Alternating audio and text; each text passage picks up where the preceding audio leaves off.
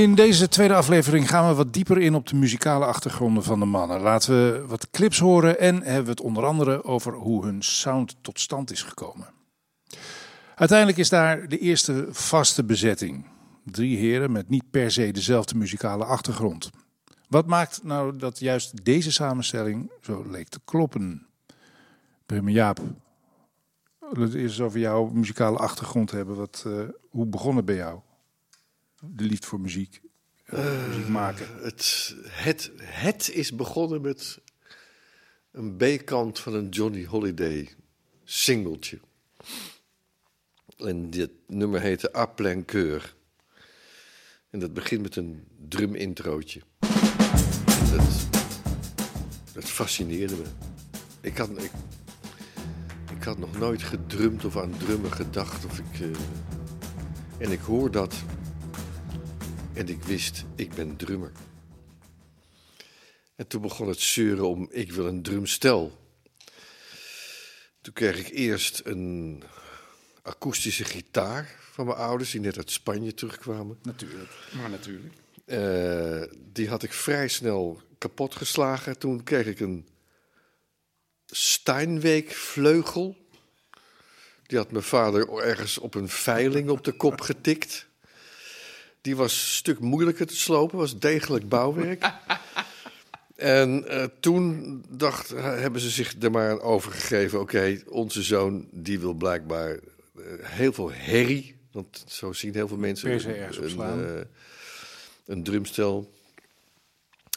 Uh, en omdat mijn vader al zijn vakdiploma's had van de middenstand, konden wij tegen inkoopsprijs bij de firma Serlui van Premier een uh, parlemoer kleurig drumstel aanschaffen. Uh, en daar was ik ongelooflijk blij mee. En ik had ook nog uh, mijn ouders zaten vaak in een hotel met ons erbij. Op Tessel. En daar speelde in de lounge, in een soort souterrain, een orkestje. Een, een, pianist, een zanger en een drummer. Joop Veenendaal, later van Vendel Sound Studios. Oh ja. En daar heb ik mijn eerste drumles van gekregen. Die heeft mij toen een paar pijsterbekkens aangesmeerd. Um, en hij heeft mij doorverwezen naar Wim van de Braak, de drummer van de Hoofdstad Operette in Amsterdam. En daar heb ik heel trouw iedere week met name zijn gemopper aan moeten horen over zijn gemiste kansen in het leven. Maar ik heb ook heel veel van hem geleerd. En met name roffelen. Weense walsjes en uh, roffel je gek. En triolen. En, en, uh, en daar heb jij tot op de dag van vandaag nog plezier van? Daar heb ik heel veel plezier van. Het, het Buddy Rich boek, Snare Drum Rudiments, doorgewerkt. Waar ik later, toen ik in New York ging studeren, dat mijn drumleraar zei: Ken je dit boek? En ik dacht, ha, daar kom ik mooi weg. Ja, dat ken ik. All right, play it with your feet. Toen dacht ik, aha, daarom zijn die gasten zo goed hier. Um, ja, dus dat is een beetje mijn achtergrond. En, en ik, ik, qua muziekkeuze zat ik vrij snel in de Chicago Bloods and Tears hoek. Ja. Uh, gewoon toch richting uh, virtuoze types. Enigszins jazzy, maar dan toch ook rockerig. Een, een, een, een, een grote held? Drumheld? Ik heb een paar grote drumhelden. Maar mijn eerste grote drumheld, en dat is hij helaas niet meer. Maar als ik hem op de eerste LP's van Chicago hoor, dan ben ik toch altijd nog wel groot fan van hem. Uh, Danny Surfine die echt uh, voor die tijd dingen deed. Dat, dat heb je echt nog nooit gehoord. En zo ook uh, initiatiefrijk. En, en tijd heel dat- erg samen met gitarist Terry Kath. uh, Ja, dat was die tijd. Dat is voor If You Leave Me Now van Chicago. Ja, gedaan. ver godzijdank. Ja, dat echt hou op. Wat een klote plaat is dat. Maar eh, eh, Klote plaat, kloot. Oh, sorry. Ja, dat was, was voor mij ook het einde van die band. Het gewoon, eh, maar eh, daarvoor was het louter en de alleen maar aha-erlevenis aan muziek. Eh, en drie zangers. Dus geen ego gekloot op het podium van ik ben de zanger en alles draait om mij. Nee, alles draait om ons. Ja. Iedereen was eigenlijk fantastisch. Nou, heerlijk. En heel democratisch. En heel vrij ook. Het was natuurlijk ook sowieso een hele vrije tijd, de jaren zeventig.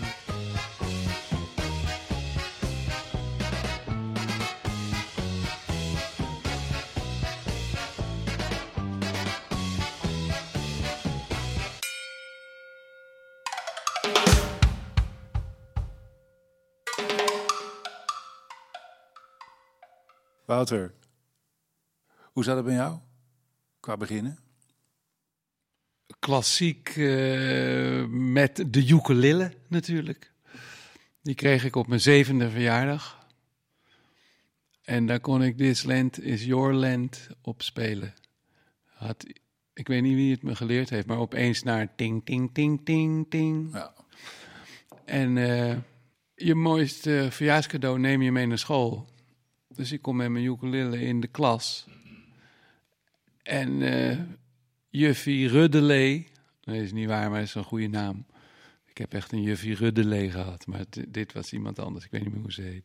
Die zei, kan je er ook op spelen? Ik zeg, ja, ik kan eh This is Your Land erop spelen. Toen zei ze, doe maar.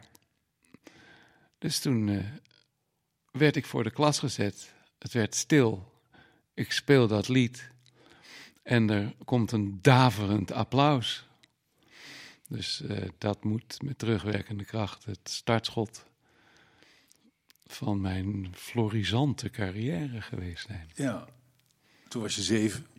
Ja, En is er toen een, een, een gitarist of muzikant geweest die, die jou verder geholpen heeft, zou ik maar zeggen? Een- die geïnspireerd ik had heeft? twee eh, eh, spelende broers. Twee eh, broers die door de Beatles en de Stones aangestoken zich erin hadden geworpen. Vijf en zes jaar ouder, dus eh, dat schoot aardig op. Die hadden bands en bleek iedereen in de buurt bleek ook iets te spelen. Dus eh, het was gewoon het coolste wat er was. En maar wie, wie speelden jullie na dan? Eh, blues. Sanitary en Brownie McGee. De eerste LP die ik echt van mijn zakgeld gekocht heb, is, ik denk, Spencer Davis Group. Ja. Met, eh, dus, eh, hoe heet die? Steve Winwood. Stevie Winwood, die toen 17 was of zo en klonk als, Klonk eh, als Ray 83, Charles. Ja. Dat, dat sprak mij enorm aan. En de Beach Boys. Dus dat was enorm zang allemaal. Om mee te beginnen. Maar dus die bluesjes die, die ik mijn broers hoorde spelen, dat, dat kon natuurlijk House of the Rising Sun en eh, dat soort dingen. Dat kon ik al toen ik echt klein was. Maar toen het ietsje serieuzer werd, toen sprak dat me wel aan. En dat, dat leek ook wel te doen of zo. Dus toen Nou, had ik een duo met eh, Frank Wisse. Nu ook in media, platenland eh, nog steeds zeer actief, maar iets andere manier dan dat ik dat doe, zeg maar. onder andere. Ja. Ja, hij had ook een oudere broer, die speelde met mijn oudere broer, dus wij hadden allebei een gitaar. En toen gingen we in De Waag in Haarlem spelen. Het noem je nu singer-songwriter podium, was toen denk ik een folk podium Mhm. of zo. Ja. Jouw vader was daar ook eh, Ja, was dat vaak te de- vinden. God, hoe heet ze ook weer? Cor- Kobe Schreier. Kobe Schreier, dankjewel. Ja. Ja. Ja, een eh, grote en daar mochten wij... eh, het werd op een gegeven moment beheerd door de familie Schot die, van de manege. En Koentje Schot, hun zoontje, die kon lepelen. Zo met twee lepels. Tak, tak, tak, tak, tak, tak. Als hij een nummer mee mocht doen, konden wij daar eh, spelen. En dat hebben we zo eh, doortastend gedaan dat we de volgende dag in de krant stonden. We hebben die hele tent op zijn kop gezet met onder andere de Fabeltjes Blues. Hallo meneer de uil, waar brengt u ons naartoe? Nou, tent op zijn kop.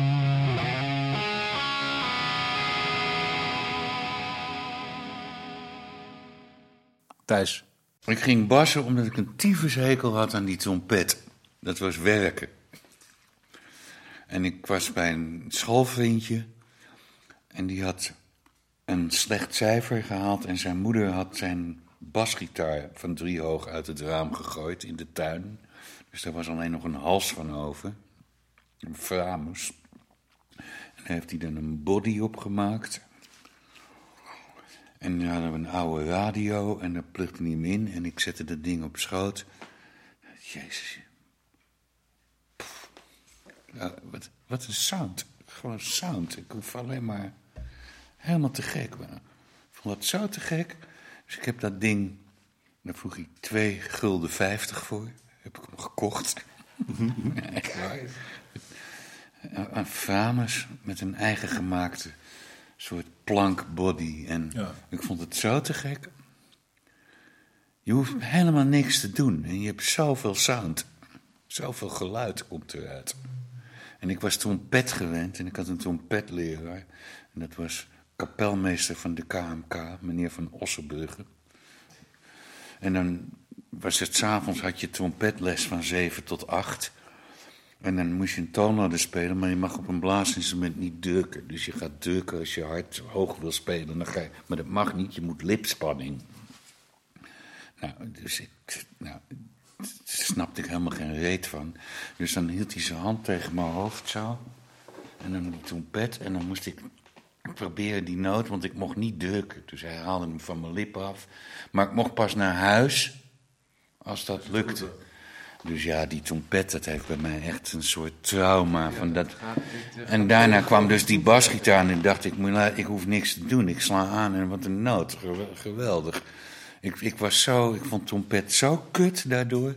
Ik ben gewoon een foute leraar gewoon. Iemand die je dus gewoon helemaal fout Het doet. het kapot maakt. Ja. Nou ja, militair. Ja. Nou, dan moet je net bij mij zijn. maar dat, zo ben ik eigenlijk bas gaan spelen. Ik maakte sowieso muziek, namelijk. Ik ben op mijn zevende gaan trommelen in de drumband op straat. Mijn allereerste optreden was bij de verloving van prins Klaus en prinses Beatrix. Ah, daar zijn jullie ingehuurd. Dat was mijn eerste straatoptreden. Achter een trommeltje. Maar ja, dan was het. Trommelen was gewoon in de harmonie, was ja, een stap hoger was, dan ging je muziekinstrument spelen. Dus dan ging je koorhoorn spelen. En in, in de harmonie dan ga je napikken. Dat doet een koorhoorn. Ja, dat vond ik dus ook al heel gauw saai. Dus toen wilde ik trompet spelen. Maar in de harmonie ging je, werd als kind naast iemand gezet en dan mocht je meelezen. En dan leerde je lezen. Dus, eh, en dan mocht ik gewoon, als, als we er zijn, sla jij het papiertje om. Dus zo leerde je meelezen. Dus ik kon heel goed meelezen. Ik kan nog steeds niet heel goed lezen, maar ik kan wel meelezen. Dus, dat leer, dus ik heb eigenlijk wel altijd muziek gemaakt op een of andere manier. Maar mijn broer, mijn oudere broer, die werd op zijn zevende ontdekt als een soort half wonderkind. En die is op een gegeven moment uiteindelijk aanvoerder van de hornist in het Noord-Hollands. En echt wel, dat is echt klassiek. Ja. Dus het zat wel in de familie allemaal. Maar wij, wij speelden ook muziek op zondag. Mijn vader eh, speelde dan eh, eh, tuba, besbas was dat. En mijn broer speelde dan waldhoorn en ik speelde trompet. En mijn moeder speelde piano en mijn zuster speelde klarinet. En dan op zondag zat je met z'n allen muziek te maken in de, in de voorkamer. Ja. Het huis waar ik nu nog woon. Dus die muziek is er altijd wel geweest. Maar ja, ik zou dus eigenlijk... Ik kom uit een familie met blazers, zou ik maar zeggen. Maar dat ben ik toch zelf echt niet uiteindelijk. Ik vond, ja... Dat basgitaar, ik vond het... Ja, ja, ja, dat is het verhaal gewoon. Zo ben ik Nou begonnen. ja, er zullen een hoop mensen beweren dat jij als bassist ook behoorlijk aan het blazen bent. Ja, maar dan laat ik het doen. met, een stopcontact en een, en een, en een versterker. En heb je, heb daarna heb je, heb je een muzikale opleiding genoten? Ik heb, ik, op een gegeven moment dacht ik van, ik, ik speel natuurlijk basgitaar, ik moet wat meer leren. Dus toen dacht ik, nou, dan wil ik, dan wil ik wel eh, gaan leren. Mijn- broer had natuurlijk conservatorium gedaan en eh Prix gehaald en allemaal dat soort dingen. Dus ik dacht, nou, ik ga ook naar het conservatorium. Maar die, die opleiding eh, modern en pop bestond nog niet. Nee. Dus je kon alleen klassiek studeren. Dus toen ben ik Maar geen jazz ook? Nee, jazz was er ook. Nee, jazz was er ook niet. Dat, dat kwam ook later. Dus ik, dus, nou, en dan moest ik contrabas. En dat wilde ik eigenlijk ook niet. Dus daar, daar heb je je verhaal. Ik wilde eigenlijk basgitaar, maar, dat kon, maar ik denk, ja, ik moet toch wat leren. Dus ik heb, ik heb contrabas gestudeerd. Ik heb het drie of vier jaar gedaan. Of zo. Ik heb mijn theorie toen afgerond met, met handen en voeten. En, eh, maar goed, eh, gehaald. Mijn solfège, mijn dingen. En ik ben nog iedere dag eh, heerlijk alles aan het vergeten. Dat is een goed ding. Maar ik heb, ik heb natuurlijk wel drie, vier jaar contrabas echt gespeeld. En ik moest... Ik dacht, ik haal een papiertje. Dus ik ga voor acte A. Dat is drie of vier jaar. Dus mijn leraar zei, nee, jij gaat helemaal niet voor acte A. Jij gaat voor solisten. Dat is zeven jaar. Nou, dat... No way. Dat ging, ik ging geen zeven jaar muziek studeren. Dus dat heb ik ook niet gedaan. En ben uiteindelijk ook gewoon opgestapt. En ja, nou ja, wat ik nu doe, daar ben ik mee begonnen. En da- daar zit toch wel mijn liefde, die basgitaar. En uiteindelijk heb ik daar niets letterlijk op geleerd. Toen ik van het conservatorium af was... En toen op een gegeven moment kwam Hilversum met die jazzopleiding... om op die vraag terug te komen. En daar ben ik heen gegaan met iemand die ik begeleidde. Volgens mij was... Dat was of die drummer, hoe heette je, Gerbrand Westven. Nee, Gerbrand Westven was saxofonist, maar eh, hoe heette die drummer nou? Ook zo'n jongen. Die, nou, die begeleidde ik op bas met mijn polytoontje, want die deed auditie. En toen vroegen ze, wil jij ook niet gewoon op die jazzopleiding? Want dat, toen zat Wim Overgouden en Victor Kayatu en eh, dat waren die eerste jazzopleidingen. Dat is Hilversum. Nou, in Hilversum. Ja.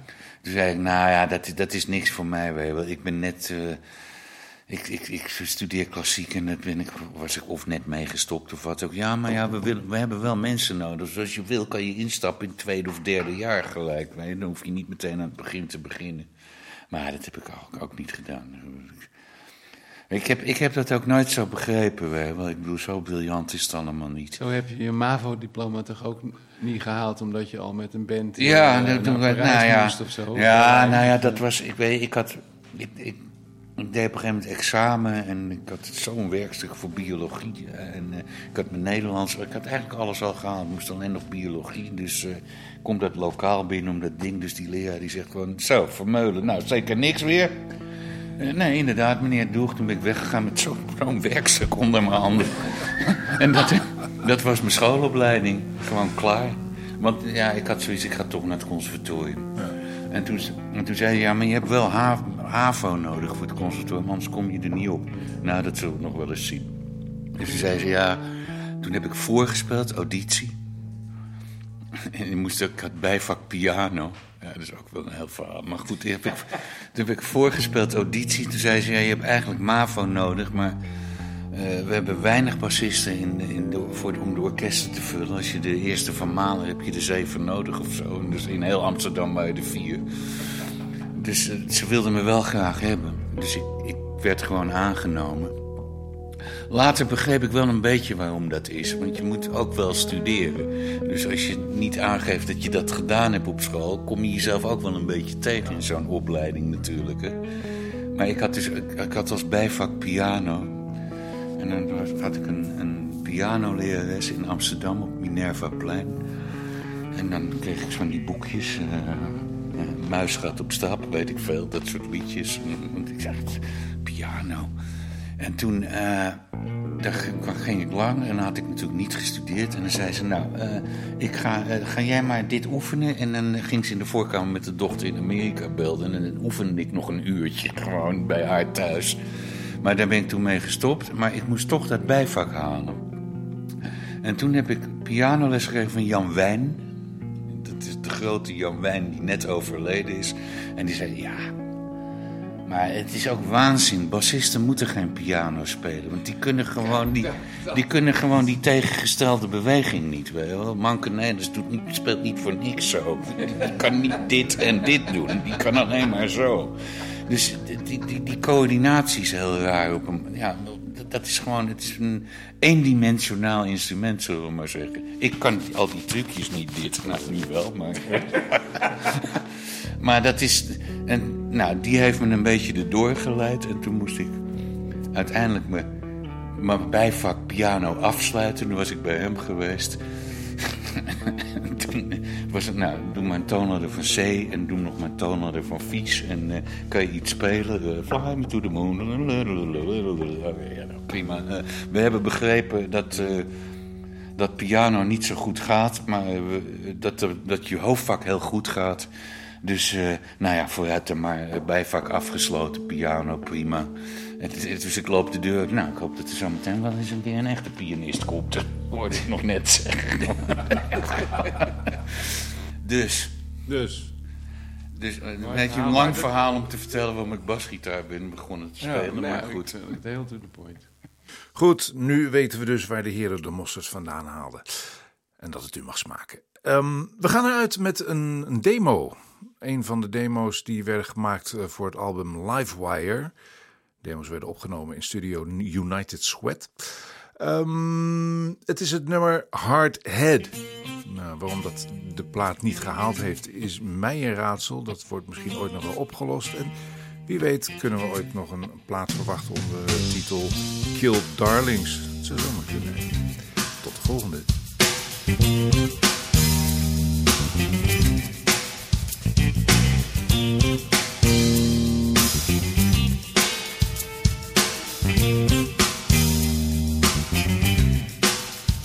keep on trying to figure out the heart of the matter of what it's all about. And you won't tell me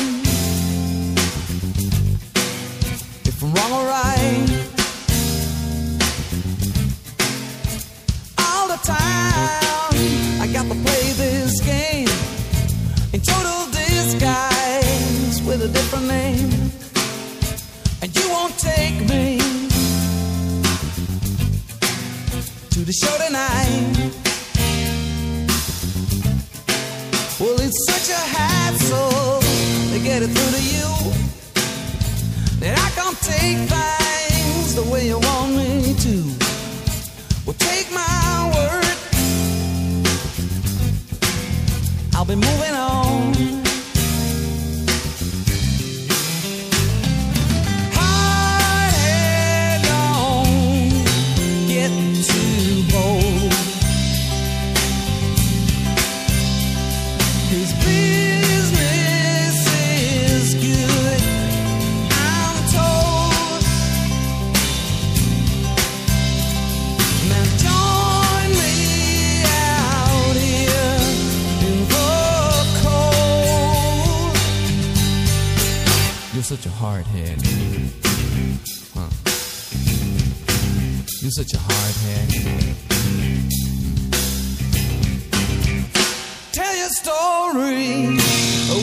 Before. About this key to unlock that door. Well, I got this and that's of another kind. It's on the table, this here power plan. Well, you say you're able, but you never say when.